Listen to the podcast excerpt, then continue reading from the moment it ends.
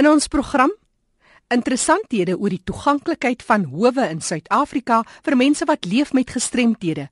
Kom hoor hoe die uiteindelike vonnisoplegging beïnvloed word indien van die uitdagings wat persone met gestremthede ervaar nie bekend gemaak is nie.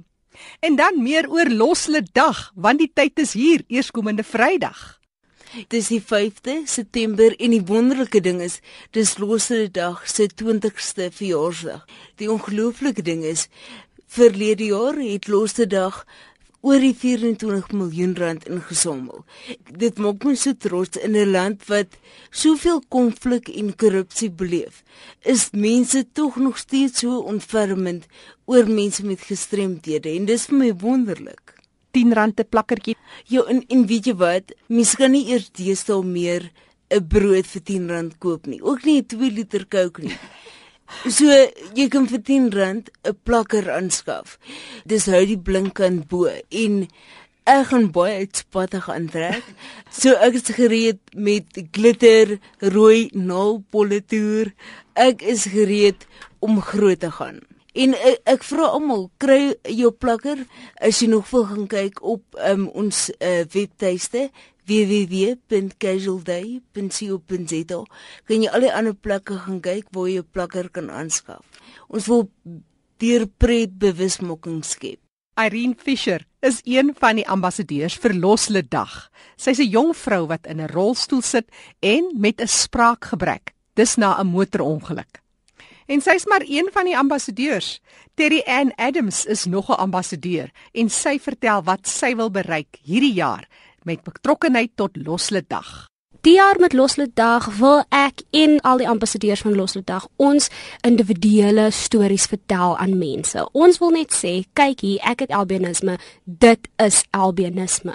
En as jy 'n stiker koop vir Loslede Dag, jou R10, dit gaan net nie vir finansiële ondersteuning nie. Dit gaan ook vir ondersteuning aan ons gestremde gemeenskap. Jy wys dat jy in solidariteit saam met ons staan. Die jaar se tema is Bring out the bling.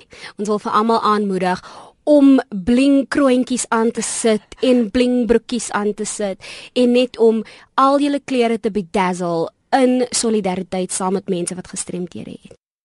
Ek gesels nou met die direkteur van die Nasionale Instituut vir die Dowes, Dion De Villiers. Dion, julle het verlede jaar het julle voordeel getrek uit 24 miljoen rand wat ingesamel is. As 'n mens praat van hierdie tipe veldtogte, maak dit 'n groot verskil aan byvoorbeeld nie regeringsorganisasies. Baie beslis. Ons sê net vir almal wat aan Loslede Dag betrokke was en sal wees binne die volgende paar weke weer baie dankie vir daai wonderlike ondersteuning want ek dink die organiseerders van Loslede Dag het baie beslis ook dan nou gesorg dat die NID as die nuutste toevoeging tot hulle projek groot voordele uitkry. Wat het julle byvoorbeeld gedoen met van die fondse wat julle gekry het?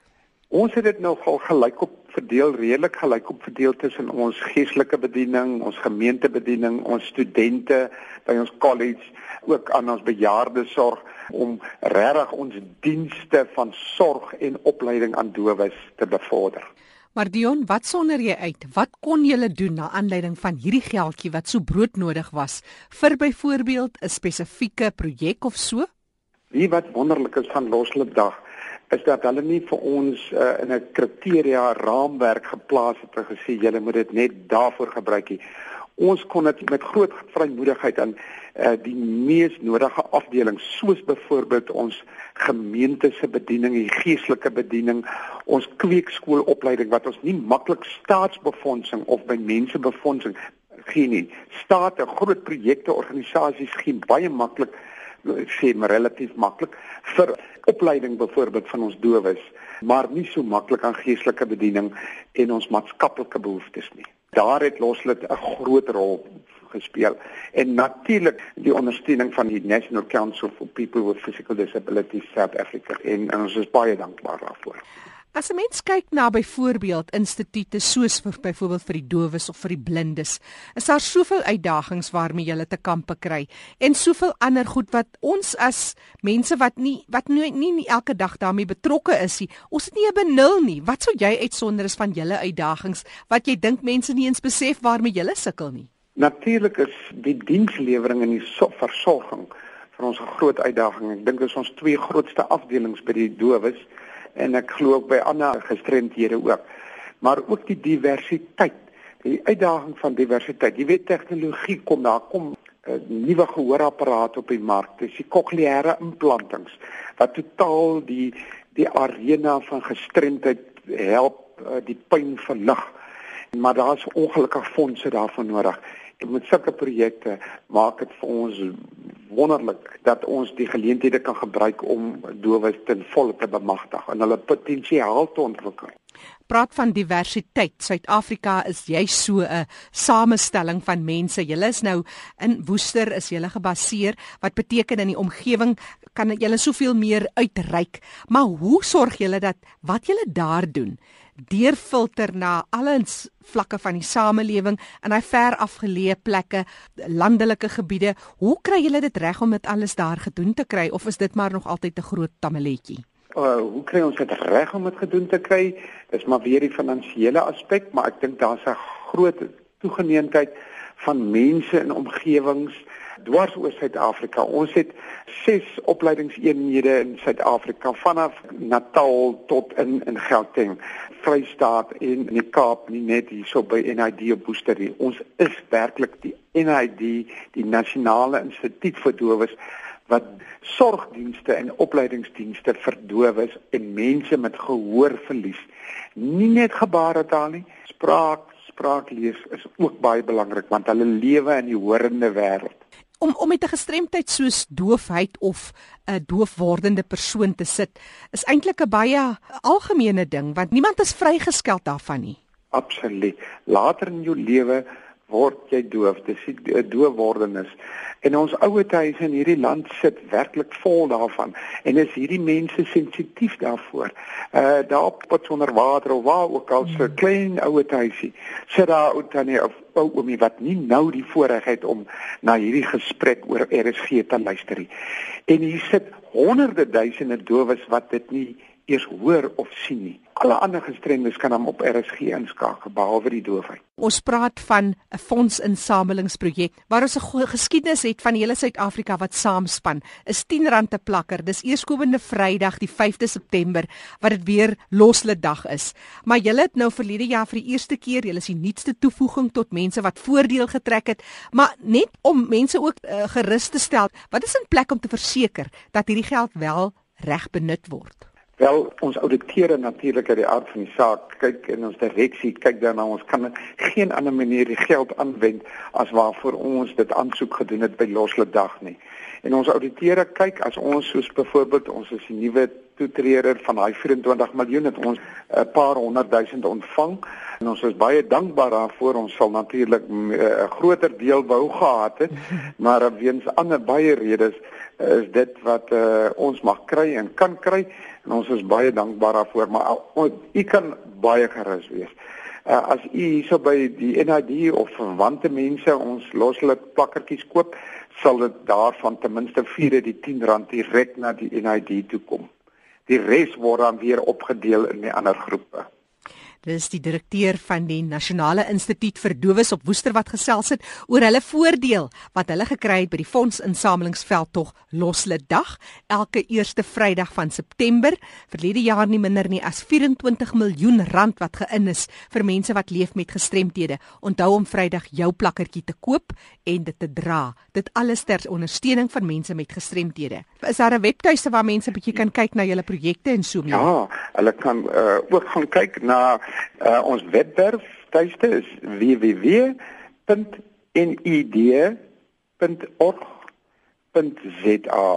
Daar sal u al ons dienste van sorg en opleiding kry. Die direkteur van die Nasionale Instituut vir Dowes, Dion de Villiers, net weer hulle webtuiste: www.nid, dit staan vir Nasionale Instituut vir Dowes.org.za. Die 21-jarige Terry Ann Adams het albinisme en sy is besig om blind te word. Maar hierdie loslede dag gaan sy uithang en sy het vir elke gesin in Suid-Afrika 'n uitdaging. Dit is nou my uitdaging vir al die luisteraars van RSG.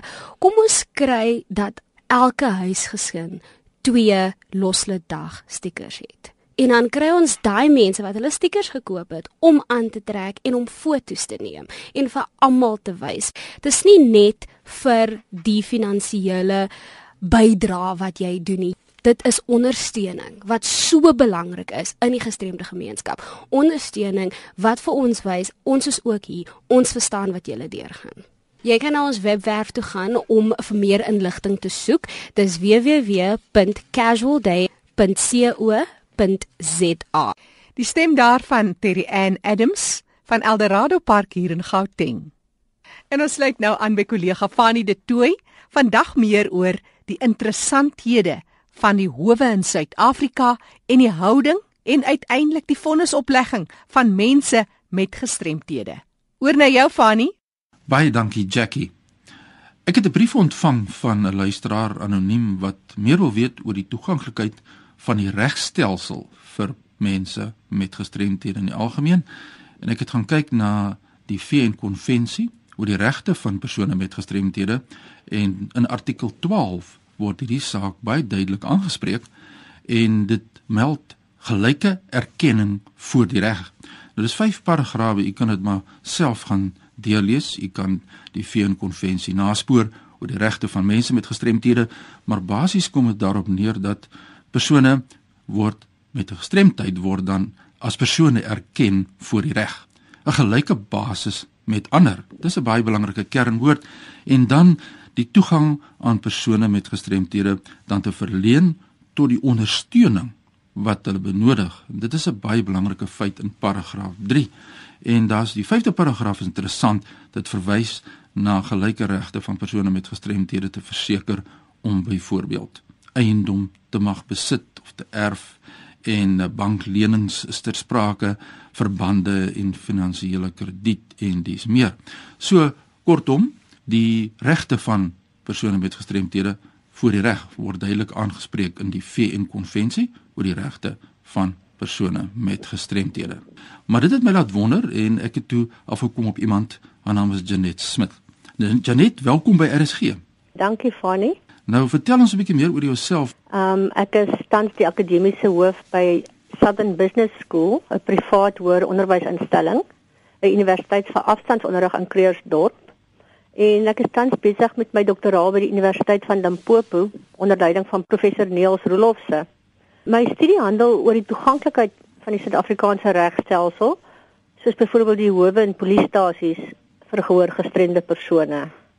Ja, dis nou baie interessant, ook iets wat my baie na aan die hart lê natuurlik as 'n persoon met gehoorverlies, maar uh, kom ons draai die horlosie bietjie terug. Ek wil graag hoor waar kom jou belangstelling dan in hierdie saak vandaan? My broer was in die Suid-Afrikaanse polisie toe hy in 'n motorongeluk betrokke was en as gevolg van die motorongeluk het hy 40% van sy gehoor verloor. Um ek self was ook in die polisie uh in my vroeë loopbaan en op 'n stadium het ek 'n koerantberig gelees van 'n oud kollega van my wat sy vrou oor 'n tydperk van 'n paar jaar so aangerand het dat sy al gehoor verloor het. Tydens die hofsaak kon sy nie behoorlik getuig het nie omdat sy nie die vrae in die hof kon hoor nie.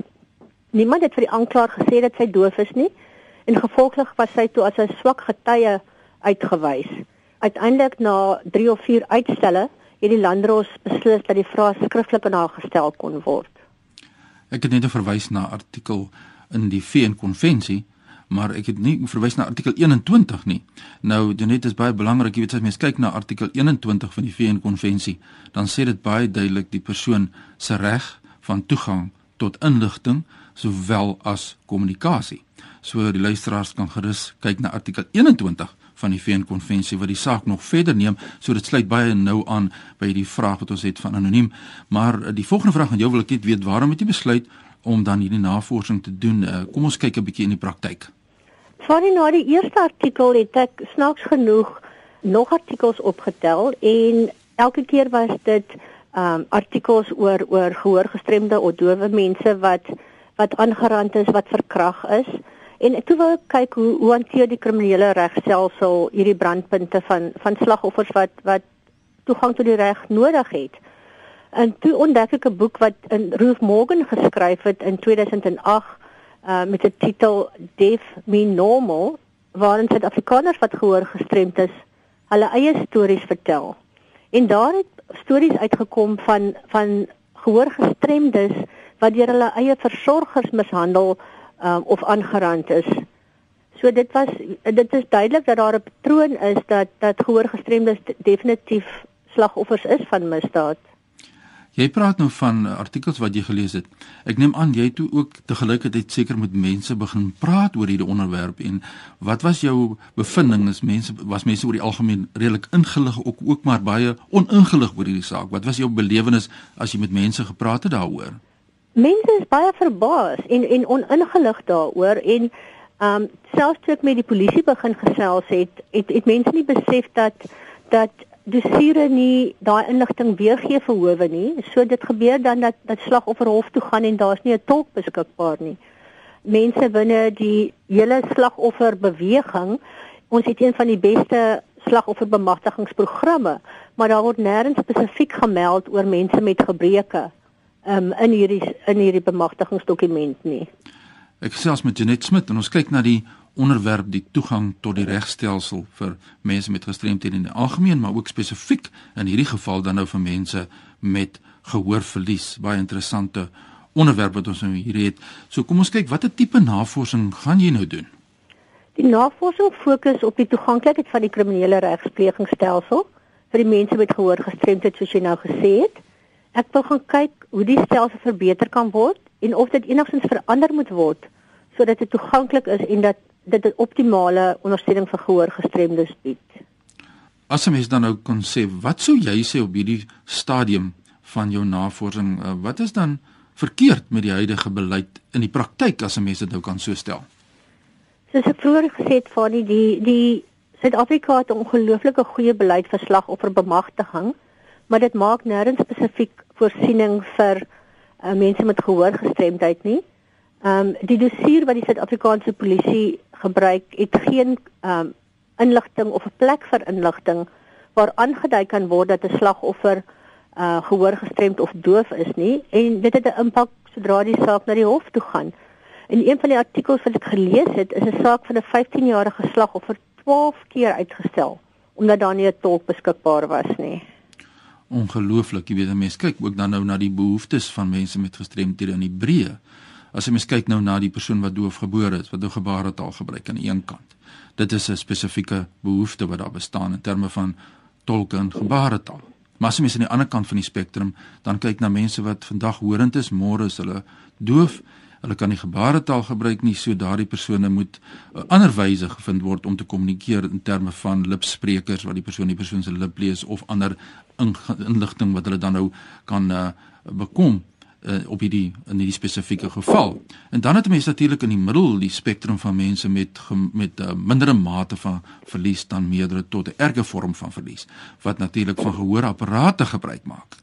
So waar ook ander uitdagings is en dit dan kom ons na die fisiese toeganklikheid wanneer mens kyk na lusstelsels in daardie geval. So dit is 'n ongelooflike uitdaging wat jy hier aanpak en ek is baie baie bly om vandag met jou te kan gesels oor hierdie saak. So hoe ver het jou navorsing al gevorder? Van die navorsing is regtig nog maar in 'n beginstadium. Ek het baie beperkte inligting tot my beskikking, juis omdat daar geen amptelike statistiek in Suid-Afrika beskikbaar is binne die kriminele stelsel nie. So ek is op soek na gehoorgestremde slagoffers wat bereid is om hulle ervarings met my te deel. Die ek weet die Suid-Afrikaanse polisie het al reeds lede opgelei in basiese en selfs gevorderde gebaretaal, maar die program word nie meer binne die polisie aangebied nie. Nou die ander aspek is dit misdaadvoorkoming is 'n wetlike plig van die polisie diens, maar die huidige beleid maak glad nie voorsiening vir gehoorgestremde mense nie. Dit weet dit praat van ehm um, luister na voetstappe as jy in 'n steegie stap. In daai geval ehm um, kan kan dit glad nie werk vir dowe slagoffers nie.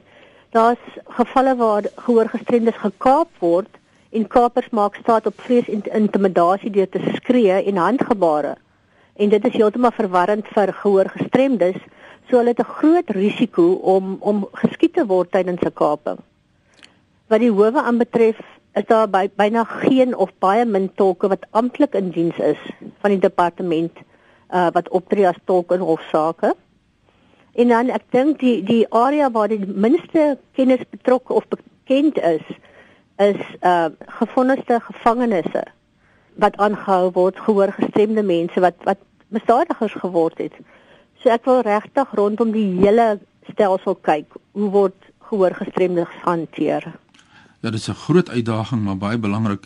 Jy stem natuurlik saam met my wat ek net nou gesê het oor die diversiteit binne in die veld van gehoorverlies. As 'n mens nou kyk oor die breë spektrum, is nie net iemand 'n gebaretaal tolk voorsien nie. Mens moet kyk wat is die spesifieke behoeftes van hierdie persoon in terme van die verlies wat hierdie persoon ervaar. Stem jy saam? Ja, definitief. Jy weet, ek het een van die artikels wat ek wat ek het is is waar 'n persoon heeltemal normaal was voor die misdaad en as gevolg van van die misdaad het hy doof en blind geword. Die strafproses maak ook voorsiening daarvoor dat dit strafverswarend moet wees wanneer die misdadiger gefonnis word. Maar as hierdie feite nie bekend is nie, dan dan word dit nie in die hofsaak uitgebring nie. Ja, natuurlik die rol van die audioloog in terme van die evaluering is ook so belangrik. Ja, en dan's daar so baie groot gebrek aan rehabilitasiedienste vir mense met gehoorverlies in Suid-Afrika. So, dit is regtig waar 'n prysenswaardige uitdaging wat jy hier aanpak.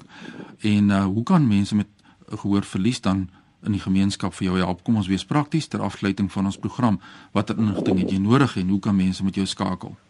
Ja, omdat ek daar geen statistiek beskikbaar is nie, met ander woorde ek het geen saaknommers nie, ek het letterlik net die koerantberigte tot my beskikking.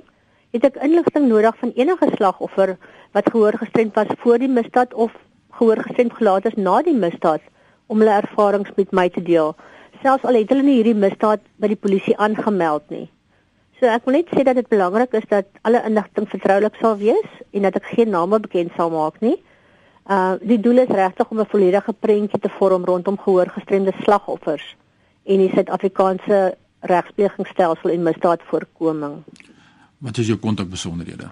Mense kan my kontak by my e-pos op jsmit@sbs.ac.za. Raaf ons daai kontakbesonderhede net weer? Dit is jsmit sonder die h @sbs.ac.za. Nou ja, dit is natuurlik Janet Smit. Ek dink dit is 'n wonderlike gedagte wat jy hiermee besig is en ons wens jou alle sterkte toe voor vir die pad vorentoe en hou ons op hoogte asseblief. Goed, ek sal baie dankie Fanie en dankie vir die geleentheid om om met jou te gesels. Ja, en dien jy 'n storie om te vertel of wil deel met ons ook met spesifieke verwysing natuurlik na die ervarings rakende die, die Suid-Afrikaanse regstelsel, stuur die e-pos aan my by Fanie by roadtoindependence.co.za Road to Independence, een woord, klein lettertjies.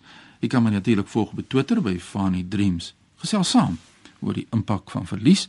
Jy kan ons vind op facebook.com vorentoe skynstreep your road to independence en laat weet sommer wat jy voel oor die regstelsel in Suid-Afrika met die perspektief van mense met gehoorverlies in gedagte. Dit was Fanny de Tooy in gesprek met Janet Smit oor 'n baie interessante en insiggewende gesprek. En soos Janet sê, goeie beleid in Suid-Afrika ten opsigte van slagofferbemagtiging, maar baie leemtes vir mense met sekere uitdagings en gestremthede, in hierdie geval meer spesifiek dan vir dowe mense. As jy weer wil gaan luister na hierdie program, gemaak 'n draai op ons webtuiste erisg.co.za, klik op potgooi en al die besonderhede is daar. Eerskomende Vrydag, die 5de September, is Loslede Dag in Suid-Afrika.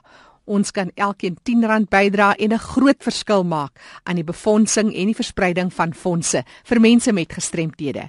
Irene Fisher is een van die ambassadeurs. Irene net so ter afsluiting, gee weer vir ons hy webtuiste. Dis www.casualday.co.za.